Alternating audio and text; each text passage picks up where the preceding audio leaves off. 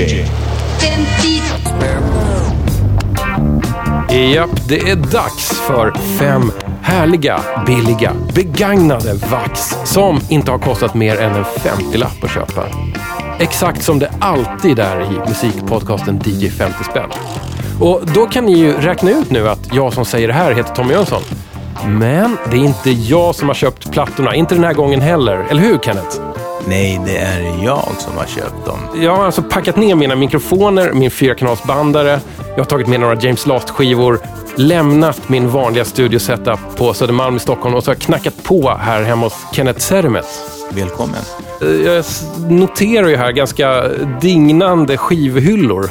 Ja, det här, är, det här är mitt liv som du ser här, som jag använder som en möbel i mitt, Ja. mitt lilla rum här. Har du någon gång räknat hur många du har tryckt in här? Nej, jag har inte räknat. Men det jag sitter och funderar på nu är huruvida mm, jag ska dela in det i alfabetsordning eller i mm. genrer. Mm, den eviga frågan. Den eviga frågan. Först ska man fylla upp eh, de här. Du ser ju, det är lite kvar som ska sorteras. Ja, det, det, det kryper i mig när jag ser att det finns små luckor här jag kan få in mer. Som, som ska få in mer med. Så att det finns plats för mer och... eh, nej, men det är mitt liv.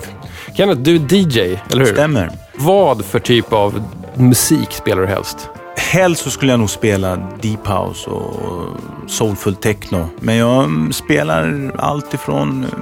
Jag, jag spelar bara det jag tycker om. Men, men eh, soul, funk, eh, väldigt mycket underground disco just nu. Vi kommer nog återkomma till diskon, har jag en känsla av. Mm, det är viktigt för mig. Men sen är det också så här som nästan knockade mig lite när jag kom in här, att jag då insåg att du också är en av de här första vågens eh, b-boys. Ja, det stämmer, det stämmer. Här, här i Stockholm och i Sverige. Pionjär om... Ja. Finns det de som skulle kanske uttrycka det som. Nej, men jag, jag var med i Bagen ehm, 1984. Jag började min danskarriär på Stockholms gator 82, 83. Ja, det är tidigt. Eh, Det är tidigt. Väldigt, det kanske lite för tidigt med tanke på åldern, men, men så var det. Eh, Ja. Det krävdes lite gränslöshet för att eh, göra det. Ja, ja. Men hur är det med dig och, och hiphopen idag? Är du, är du fortfarande eh, trogen liksom, musiken? Ja, till viss del så är jag trogen musiken. Till viss del. Um, 90-talsrappen och den tidiga elektron som jag själv var en del av, den, den finns ju fortfarande kvar hos Ja. mig. Eh, men annars så, jag dansar inte längre. Men, men, men jag skulle ändå påstå att, att hiphopen som ett state of mind eh, gäller idag alla, i allra högsta grad. Jag tror att vi kanske återkommer också till hiphopen lite senare. Det kommer vi absolut göra. Eh, en sak som vi kanske inte återkommer senare är att du också är urban sociolog. Det stämmer. Eh, Vad är det? För jag fattar inte riktigt. En urban sociolog är en, en split av eh, sociologi och historia och eh, journalistik. Och då kanske man kanske ska titta mer på eh, essensen av journalistik och inte bara rapportera utan vad man faktiskt eh, har för roll som journalist. Um, en urban sociolog förklarar olika skeenden i samhället mellan individer och institutioner till exempel. Um, så så det, är det, det är det jag gör. Men sen vet jag också att du har... Eh, att du ligger bakom också någonting som heter Radio Rinkeby. Det stämmer. En podcast ehm, som tog form för något år, två år sedan med, i samband med att man lanserade någonting som heter Radio Skanstull. Där var jag och gästspelade vid ett tillfälle. De tyckte att det var bra och sa att kom tillbaks. Eh, Spela mer vinyl. Men jag är lite känslig med det här med vinylen. Så att jag tänkte att fan, jag har ingen lust att sitta och bränna av massa vinyl där på det där sättet. Jag vill fylla det med någonting mer. Ja, okej. Och eftersom jag är urbansociolog och har det intresset, eh, bor i Rinkeby och tycker att Rinkeby förtjänar bättre rykte än vad det har, så mm, föddes Radio Rinkeby. Det började med musik men blev mer liksom, journalistik. Vissa skulle kalla det för en mix mellan P1 och P3. Jag kan tipsa om att, att det går faktiskt att hitta lite Radio Rinkeby på, på nätet på, eh, på din eh, På mitt Mixcloud. Under mitt eget namn, Kenneth Sermet, eh, och på Soundcloud under namnet Finest Blend som är ett skivbolag. Nu hinner vi kanske inte prata så mycket om det idag. Nej, men men jag länkar från min du får webbplats. länka, ja, så får ni lära lite mer om var, Ja. jag, var jag kommer ifrån. För nu ska det handla om vad det här egentligen går ut på. Det ska handla om billig musik, begagnad musik, Skräpmusik. skräpmusik som inte kostar någonting.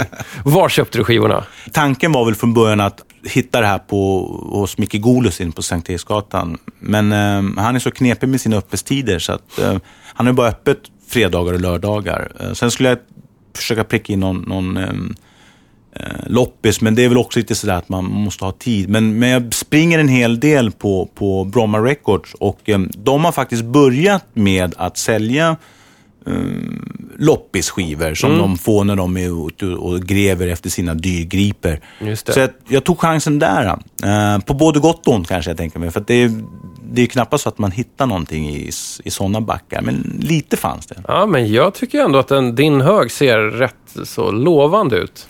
Ja, den kan väl i en första mm, anblick eh, anses som lite töntig här, men, men vi får bryta ner det där töntighetsbegreppet lite grann. Ja, ska vi börja här då med... Nostalgiköpet.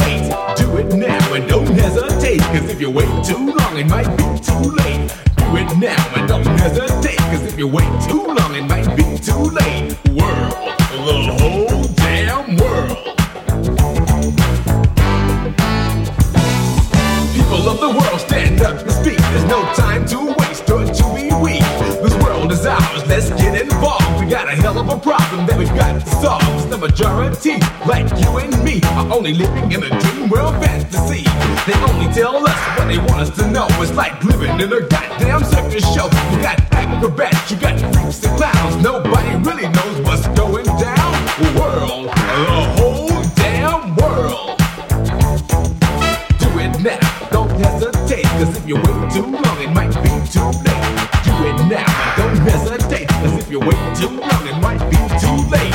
Do it now. Do it now, and don't you hesitate. Cause if you wait too long, it might be too late. Do it now, and don't you hesitate. Cause if you wait too long, it might be too late. Do it now, and don't you hesitate. Cause if you wait too long, it might be too late. World, the whole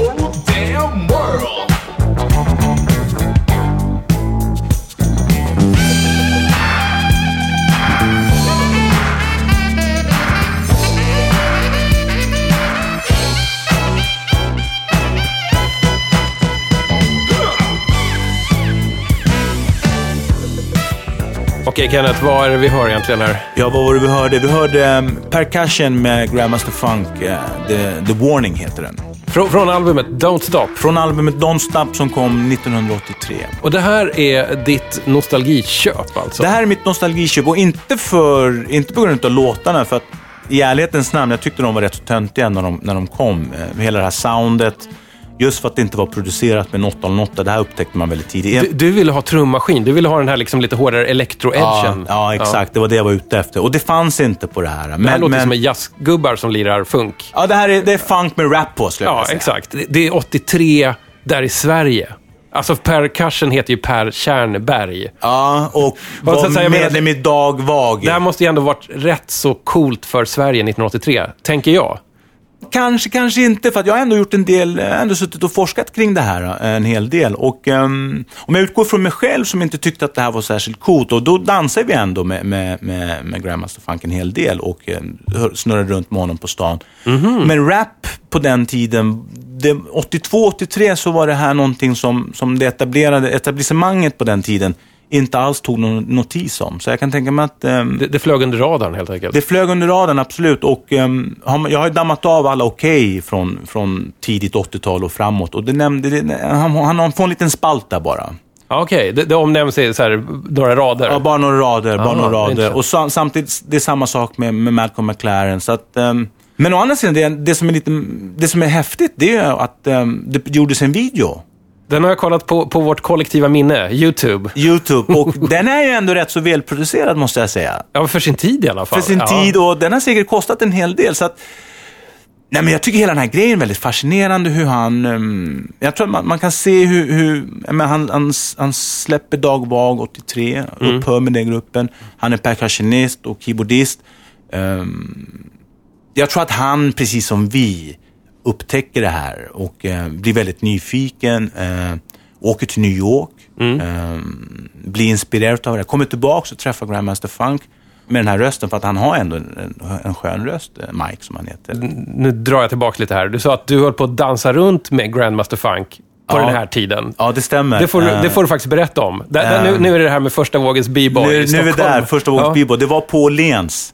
Åhléns. Eh, Åhléns. Och då... mm, han gjorde någon form av gatuturné på egen hand, tror jag det var. För att vi såg aldrig eh, Per. De fanns inte med. Utan det var enbart Mike som, som gick omkring och han hade... Ja, vad hade han? Han hade väl sin skiva. Um, och vi har träffats på gatan, minns jag. Um, jag och ett par polare till mig, Ski bland annat. Um, och hans, hans grej var att han kunde den här ormen, snaken. Ja, just det. Mm. Den kunde han. Eh, sen har väl han bara tyckt att vi var tillräckligt coola och eh, så vi fick följa med. Eh, jag var med på en hel del grejer faktiskt. Lite diskotek och sånt på, på ställen som jag inte riktigt skulle vara på. Det, Fick jag komma in på. Men, att du vi var för gjorde, ung. Ja, för att jag var för ung. Men vi gjorde ett framträdande på, på, eh, på Åhléns som jag är rätt så stolt över. Just för att jag tror att det var samma vår som Break Machine var där också. Så vi, vill, vi kanske vart någon form av någon svensk variant Ja, ja. det där lite grann. Vi fick aldrig några pengar. Men, men det var häftigt. hur mottogs det då? Jag, jag tänker för att för många av de här Åhlénskunderna så måste det här ha varit den första kontakten med breakdance. Jag kan inte riktigt minnas... Um, ja, men det var ju fullt, det var ju packat med folk där, absolut. Men, men jag vet hur det var på Break Machine. Det var ju folk ända ut, långt ut på vid tunnelbanan. Så att, det här var ju helt, det var en helt ny grej det här. Så att, ehm, och det, det som är intressant är väl också att det, här är också den första kulturen som så att säga har um, porträtterat eh, invandrarungdomar. Med killar och tjejer med, med en annan hudfärg.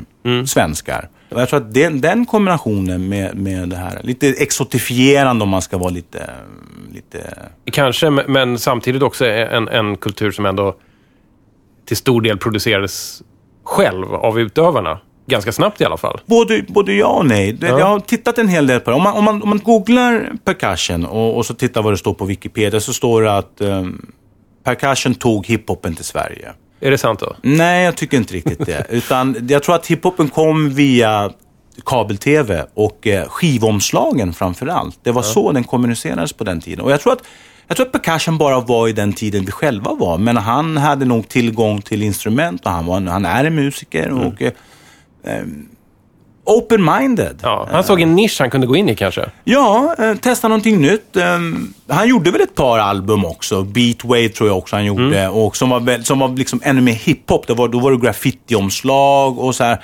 Så det där var nog en rätt så häftig era för honom kan jag tänka mig. Den här eh, Mike, Grandmaster Funk.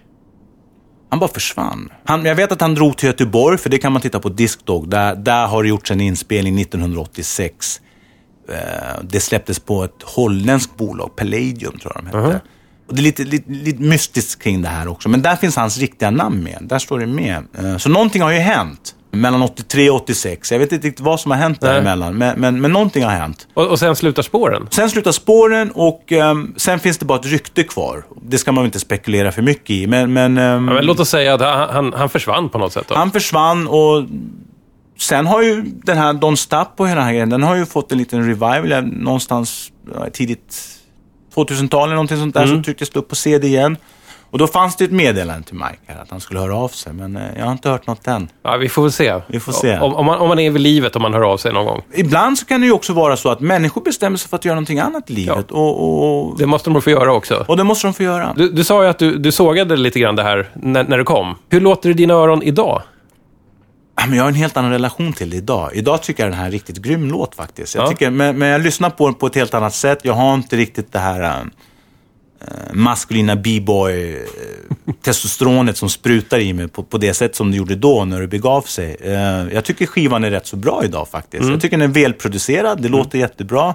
Jag ser klara paralleller till Malcolm McLarens äh, Well Wrecking Crew. Jag tycker att det, jag tycker att det här är en, en bra svensk version utav Malcolm McLaren. De har nästan samma bakgrund lite grann också. Hur är det med dig och, och hiphopen idag då? Jag forskar kring svensk hiphop idag. eh, försöker och... eh, Det känns ju som att det är liksom lite att, att, att den svenska hiphopen har kommit in i en fas då man så börjar forska i historien? Börja vilja berätta hela, Ja, hela storyn? dels har man ju fått en distans till. Man har blivit äldre, man, man har, det har gått så pass många år att Säg som det är. Ni, ni som var med från början, ni har bli, alla, alla har blivit medelålders nu. vi har blivit medelålders och vi har blivit gubbar och vi, re, vi reagerar lite grann på, på det här hipster-hiphop-syndromet. Soundcloud-hiphopen. Och- Soundcloud-hiphop. och, och jag måste verkligen poängtera att jag vill inte dissa någon i allt det här. Eh, men, det finns ett men här. Mhm. Och det är att det fanns någonting annat också. Eh, det tycker jag är viktigt. Men anledningen till varför jag tog mig an och tänkte men någon måste skriva om den riktiga svenska hiphopen.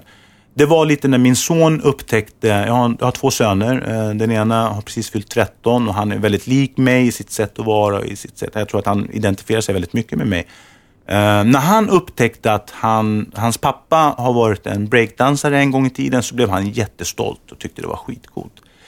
Och uh, när vi pratade om det här och tittade på det här videoklippet så sa jag också samtidigt, vet du vad Robin, han heter Robin, vi fick pengar på det här också. Vi dansade, vi fick in lite pengar, vi kunde köpa lite skivor, vi kunde köpa eh, lite hamburgare. Då tittade han på mig så gärna med den här blicken och säger så här, var du tiggare? Och det oj, där ja. fick mig att reagera lite grann. För att det är så synd att han ska behöva växa upp med en, en historia där det inte fanns riktig kultur, eller riktig kultur, det finns det idag också på, på gatan. Men, men just den här hiphopkulturen så som den var när, när jag växte upp. När man bara åkte in till stan. Eh, det räckte med att någon kunde ett litet break-move så var man polare. Och så blev man bra vänner på det här. Jag, många av mina bästa vänner är från den perioden där vi bara träffades. Och det här vill jag förmedla till min son och till hans generation. Att det här har funnits på gatan och det kan finnas där än idag. Så att, eh, lite grann det. Jag är ändå lite, lite nöjd med att jag fick vara med och eh, fick vara med eh, när, när liksom hiphopen och hela den grejen kom. Faktiskt. Jag var, jag var, jag var en del av bagen. Du var med i Bagen. Var du med i liksom själva eh, det här breakdance-inslaget Ja, jag var med i breakdance-inslaget. Freak Out. Freak out, ja. Oj, oj.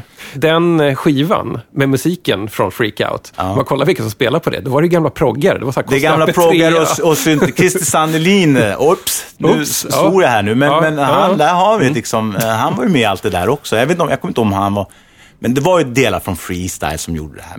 På ett sätt så är det väldigt cheesy hela den här grejen. Men, men på ett annat sätt, och det är väl det jag försöker lyfta med min forskning. Det här är svensk hiphop. Så här är det. This is it liksom. Och, Mm. Ja, men allting måste börja någonstans. sen utvecklades den som allt annat gjorde. Men, men, men just den här första delen, jag tror att det är väldigt viktigt att vi kan sätta ett svenskt perspektiv på det. Vet du vad, vi får se om vi kommer tillbaka till svensk hiphop. Ja. Men jag börjar känna att vi ska hoppa till nästa kategori. Random Access Vinyl. De här backarna som de här loppisskivorna står i, de får man böja sig ner, så får man sträcka in en arm in. Så att det, det var verkligen random.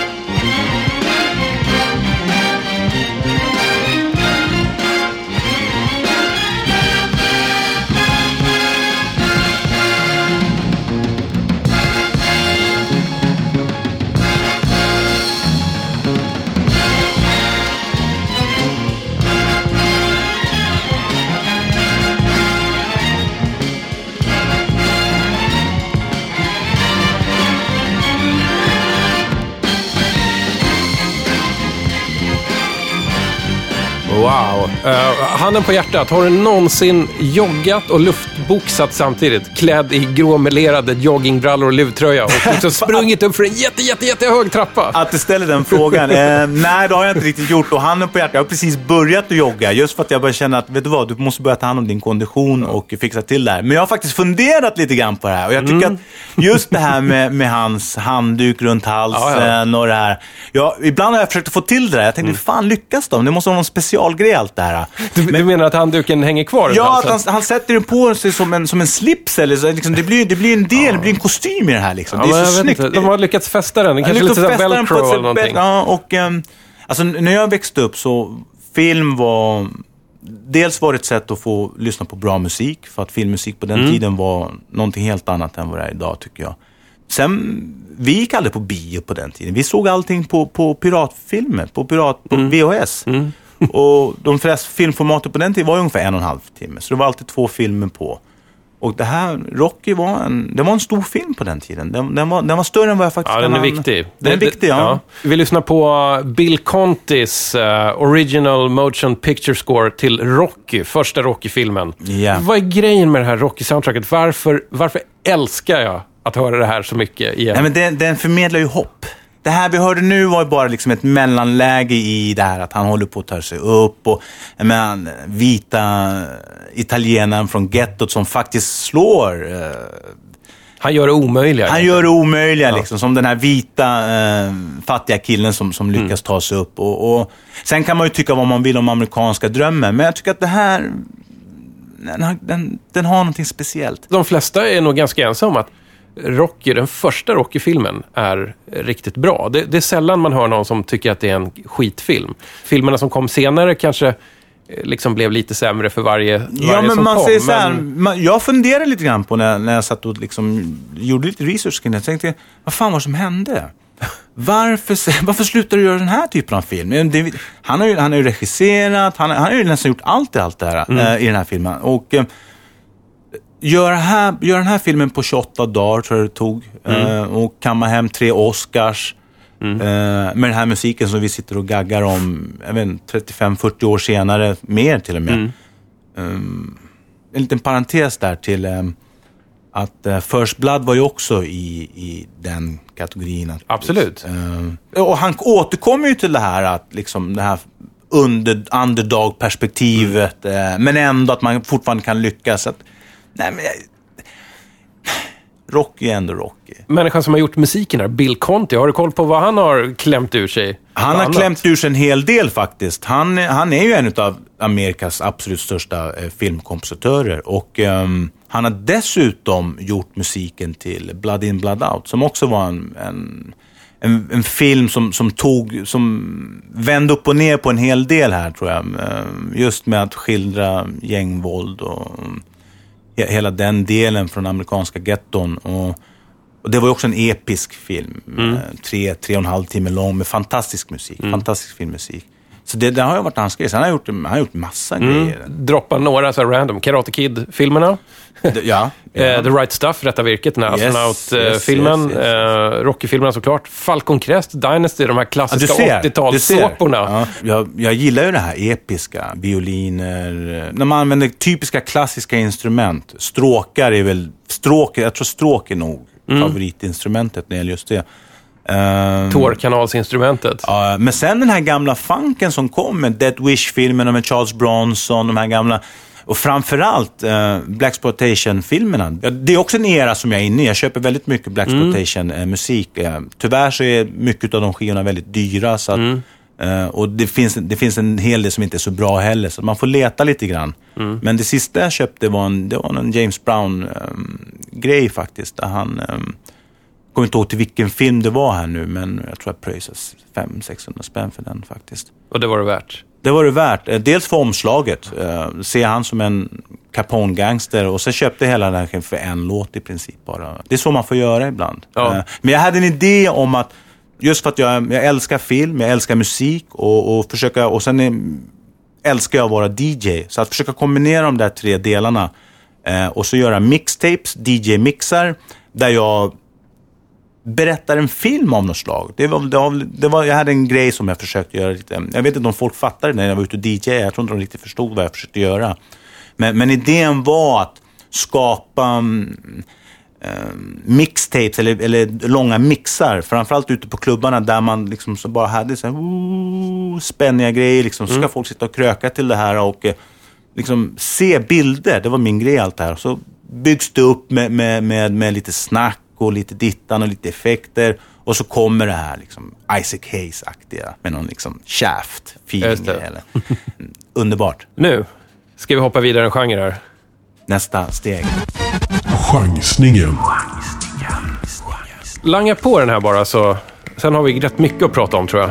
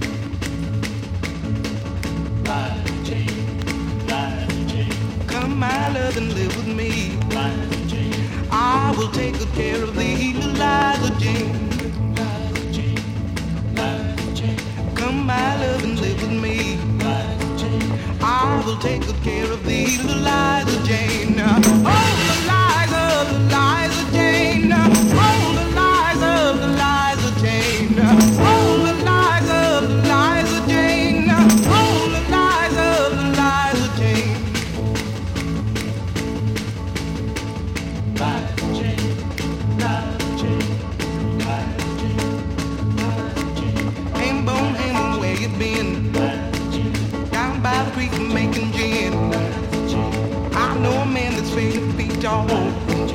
Drinks his liquor and has ball.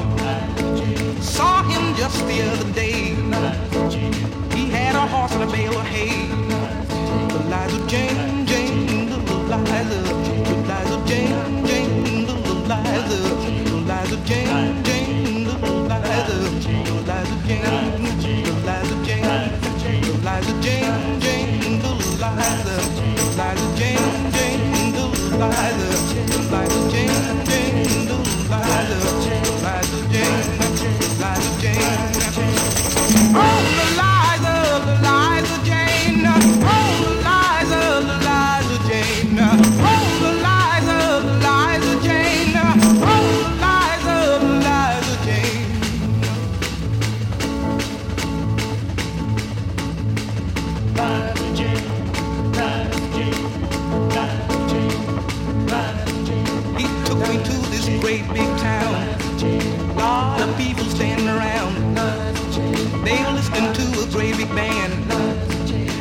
The bestest music in the land. I tell you once and tell you twice. Enjoy yourself and live a life. Eliza Jane, Jane, Eliza. Eliza Jane, Jane, Eliza. Eliza Jane, Jane, Eliza. Eliza Jane, Eliza Jane, Eliza Jane, Jane, Eliza. Eliza Jane, Jane, Eliza. Eliza Jane, Jane,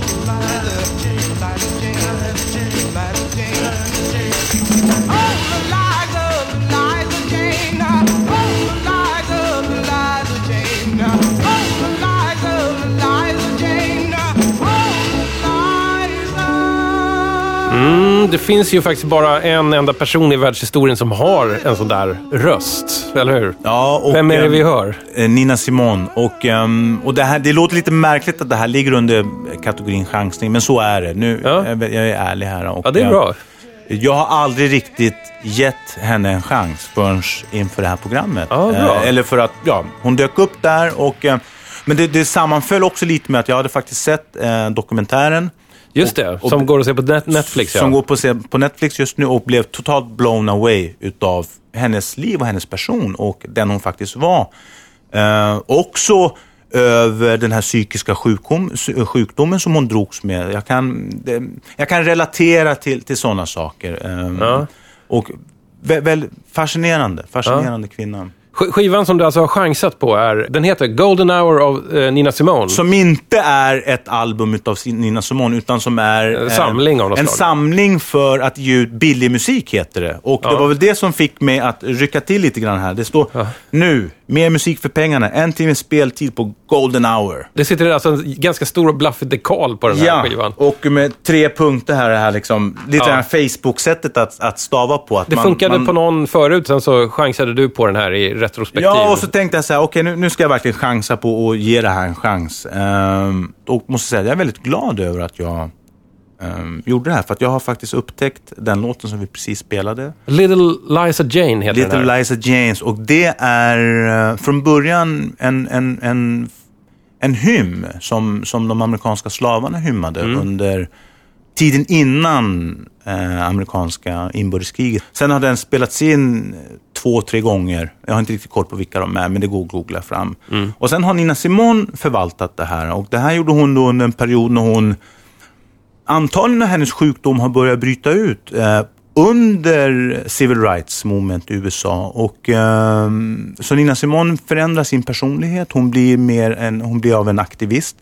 Och det här folkmusikssoundet, det som vi precis hörde, det blir hennes primära sound. Det leder också till massa problem för henne. Och som slut leder till att hon får inga fler bokningar. Och ehm, hon eh, emigrerar till Afrika också i samma veva med det här. Och eh, blir i den vita världen extremt radikal. Därför att hon kan eh, vreka ur sig konstigheter på scenen. Eh, som, som idag har man förstått är kopplat till den här bipolära sjukdomen. Och inte alls var något som man ville kalla för en diva eller någon svart arg kvinna. Utan eh, det här var Nina Simone det, det var sån hon var. Men det känns, för mig i alla fall, väldigt mycket som att det är en artist som väldigt många har upptäckt långt i efterhand. Vilka, vilka grymma grejer hon gjorde. Ja, och, och då kan man ju fundera sig, varför upptäckte inte jag henne tidigare? Vad var det som gjorde att man så att säga inte kunde ta åt sig av det? Jag har inte riktigt, jag har inte riktigt klurat ut det än. Men det kan ha, det kan ha berott på att, att hon har varit väldigt svår att kategorisera. För att det har Mm. säkert funnits perioder i ens liv när man har följt kategorier väldigt Mm, eh, slaviskt. Ja. Eh, nej, men nu ska jag köpa det här. Så går man till den backen och så bläddrar man där eller gräver där och så hittar man det där.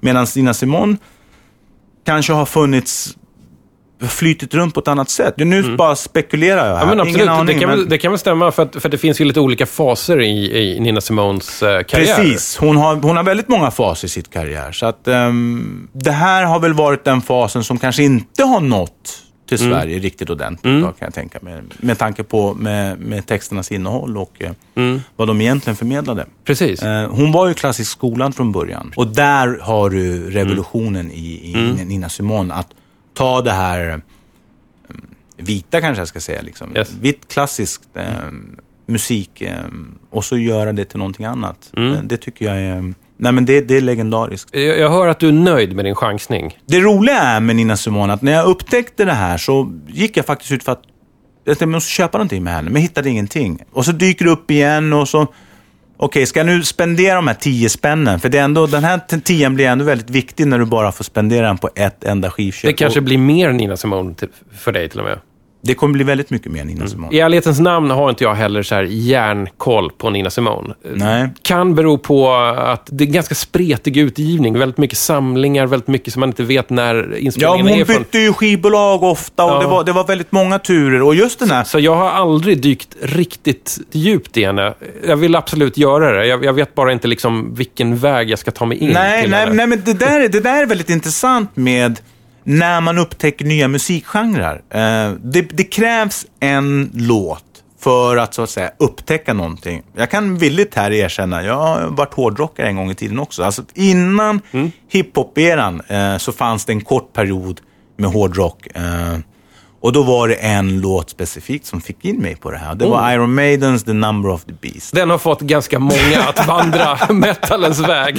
Så, I'm a sucker for it. Men, Ja, ja, men, men det är det som krävs. Det, Ja. Någonting krävs. Jag skulle absolut inte definiera mig som en hårdrockare idag och kanske inte som en dödsfan av Nina Simone. Men, men man kommer till en punkt i livet där man vill lära sig någonting nytt. Eh, Yes. Och nu är det dags för Nina Simone. Du Kenneth, vet du vad? Vi är redan framme på dagens näst sista skiva i din bunt. Skivbörsklassikern. Oh, vet, vet du vad? Den här har varit med förr, men den har inte liksom varit med... Det här bandet har inte varit med tre gånger, så det är helt okej. Hela albumet är faktiskt helt okej. It's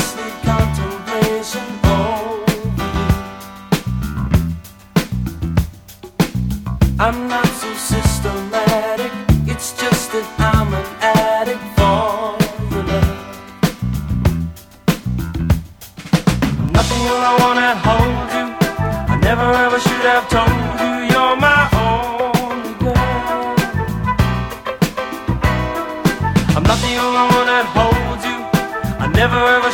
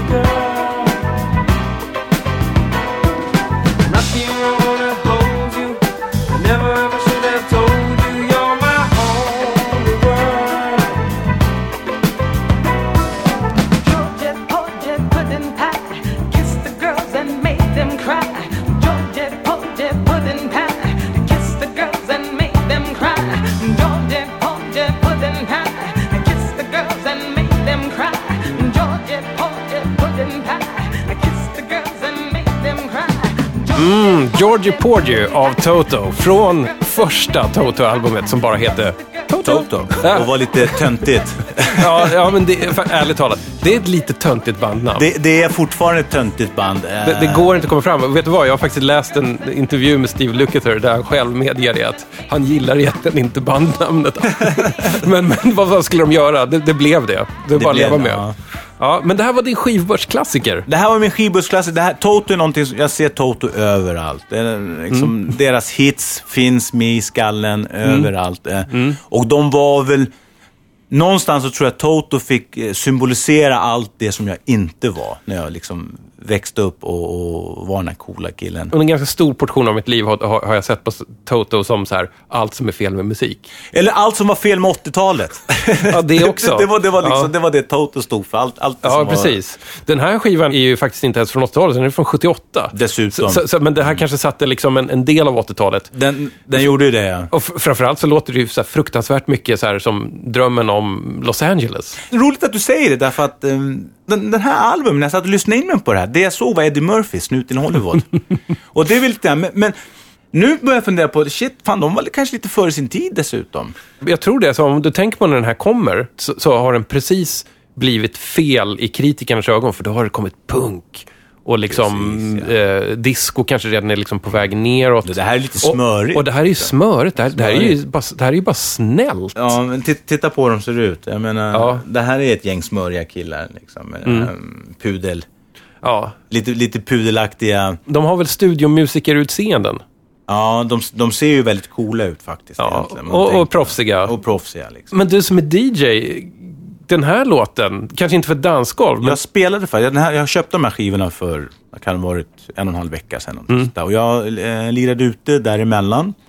Eh, ett discoset spelade jag faktiskt, med, med bara med massa underground disco och väldigt cool musik och så här. Men ibland så tänker jag att det, det kan alltid vara bra att bryta upp de här setsen med lite, med lite annat. Och ehm, då fatt, då, det, det var Toto. Det, Mm. det var, och jag såg hur folk liksom smilar upp och ja, Mm. det är väl något minne som dyker upp, kanske ungefär det som jag har haft. Eh, Fan, det var rätt så cheesy men det är ändå rätt så bra idag. jag har ingen aning.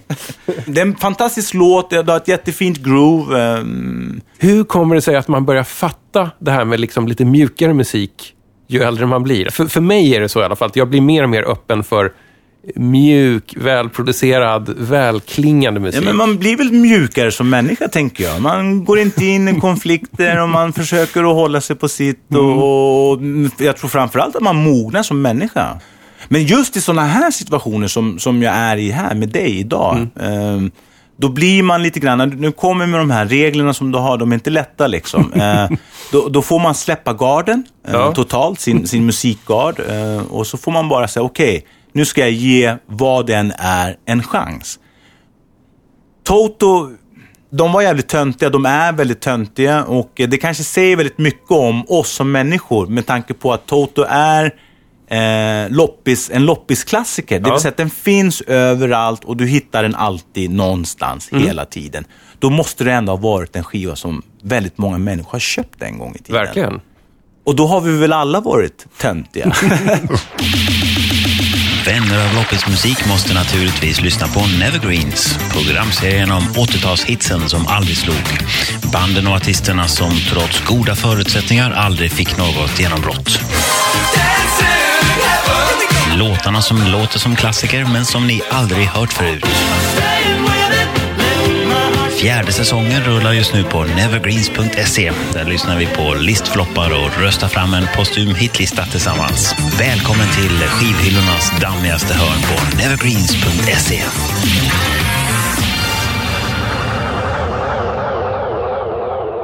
Nu Kenneth, nu är det faktiskt dags för den sista. Fyndet.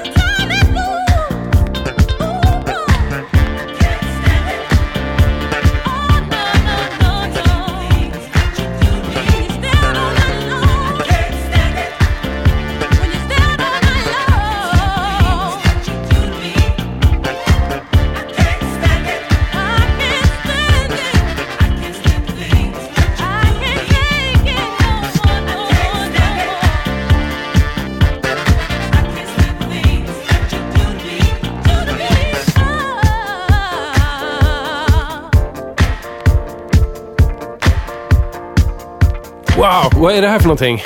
Det här är Pure Energy. Eh, Party on. Party On. Eh, en tolva som jag fiskade upp inne på Bromma Records. Eh, det är inte ett fynd i ekonomisk bemärkelse. Men det var bra. Men det är jäkligt bra disco och det är ett fynd av att hitta den här typen av disco i butiker som Bromma Records. För- Det för- är ett fynd. Varför det? F- För bra disco för att stå i en back för 10 spänn. Enkelt. Ja, ja. Vad för slags disco är vi här? Vilken era är vi här? Vad, Nu vad pratar vi vi, hör? det här är eh, 1980 tror jag det här släpptes. Och eh, det här, just det här soundet utav discon är väl det som är övergången, eller parallellt med det som kallas för boogie. Lite grann. Det Just finns det. lite boogie-flavor i det här också, så det är inte pure, pure underground disco. Eh, Men igen, snyggt producerat.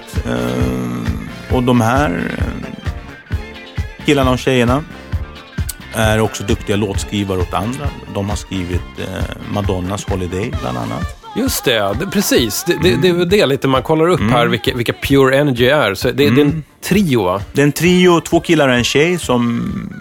Och hela gruppen har skrivit musik åt sig själva och åt andra. Och, ehm, sen upplöstes den 84 efter att de gjorde en freestyle-grej. Ehm, sen någonting måste ha hänt där, för sen är det bara helt tyst. Återigen, spåren upphör. Spåren upphör. Um, jidder, tjafs i studion, bråk om pengar. Du vet, the usual, tror jag. Någonting åt det hållet.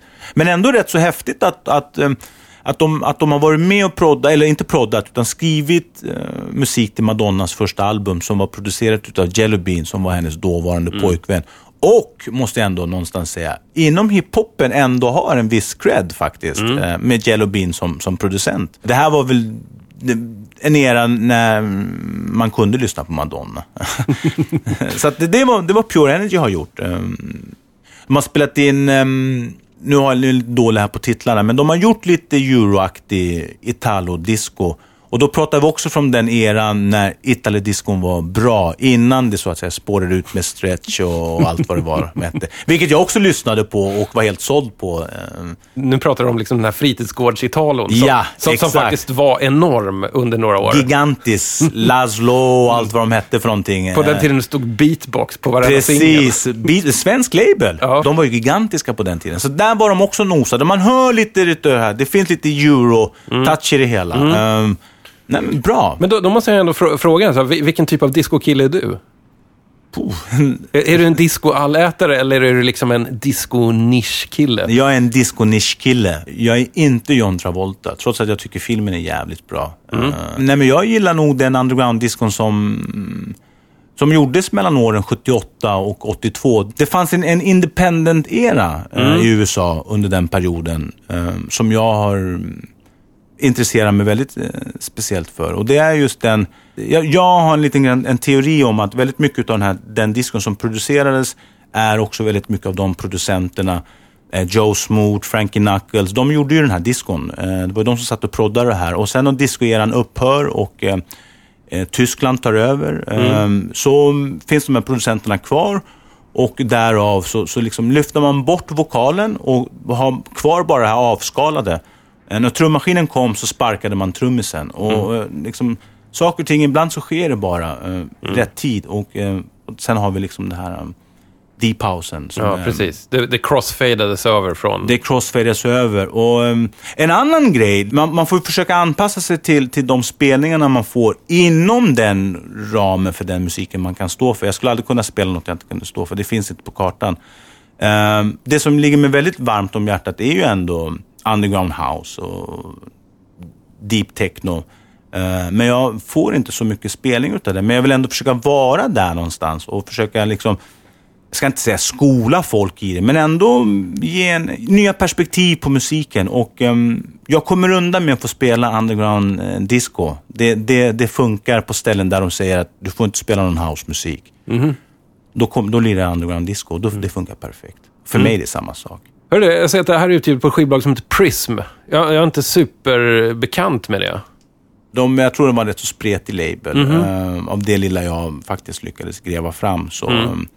Men Pure Energy, det var en kort era. Eh, och hela den label-eran var också väldigt kort. Eh, och sen är det intressant att fundera på varför. Jag menar, Madonnas Holiday, det blev ju en gigantisk världshit. Jag är övertygad om att de människorna lever på, på, på den hitten än idag. Man kanske bara drog sig tillbaks.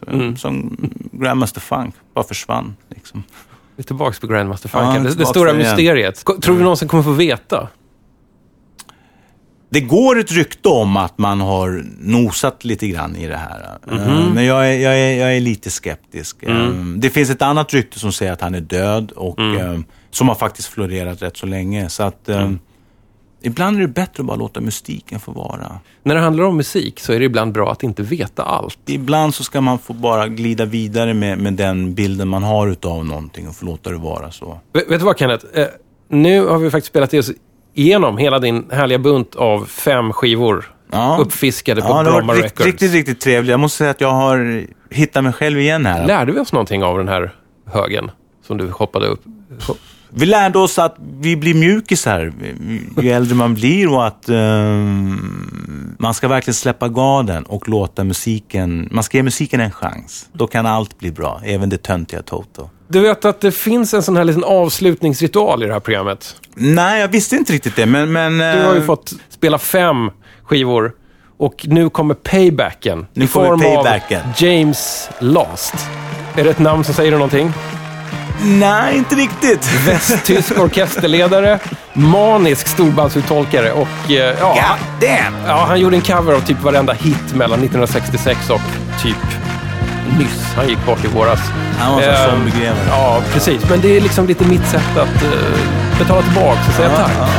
Röra om i den här grytan som jag försöker koka. Exakt. Nu, kom, nu kommer jag krydda med lite för mycket salt här. Ja,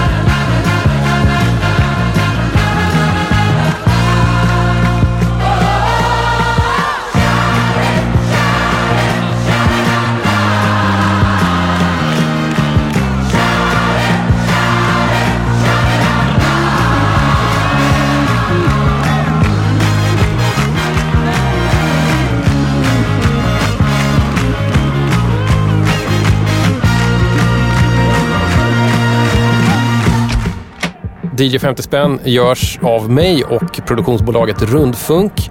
Inga djur blev skadade i den här produktionen. All musik spelades från vinyl. Jag blir ohyggligt glad om du hör av dig. Så gillar du elpost så är adressen hej 50 spänn.se.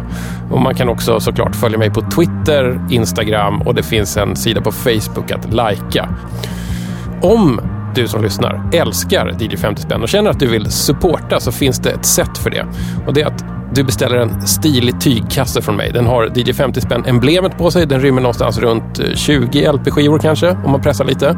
Och den kan man beställa genom att swisha 120 kronor till det här numret. 0735 669762. Och glöm inte att skriva din postadress i textfältet. Missade du numret? Ja, gå till min webbsajt, dj50spänn.se.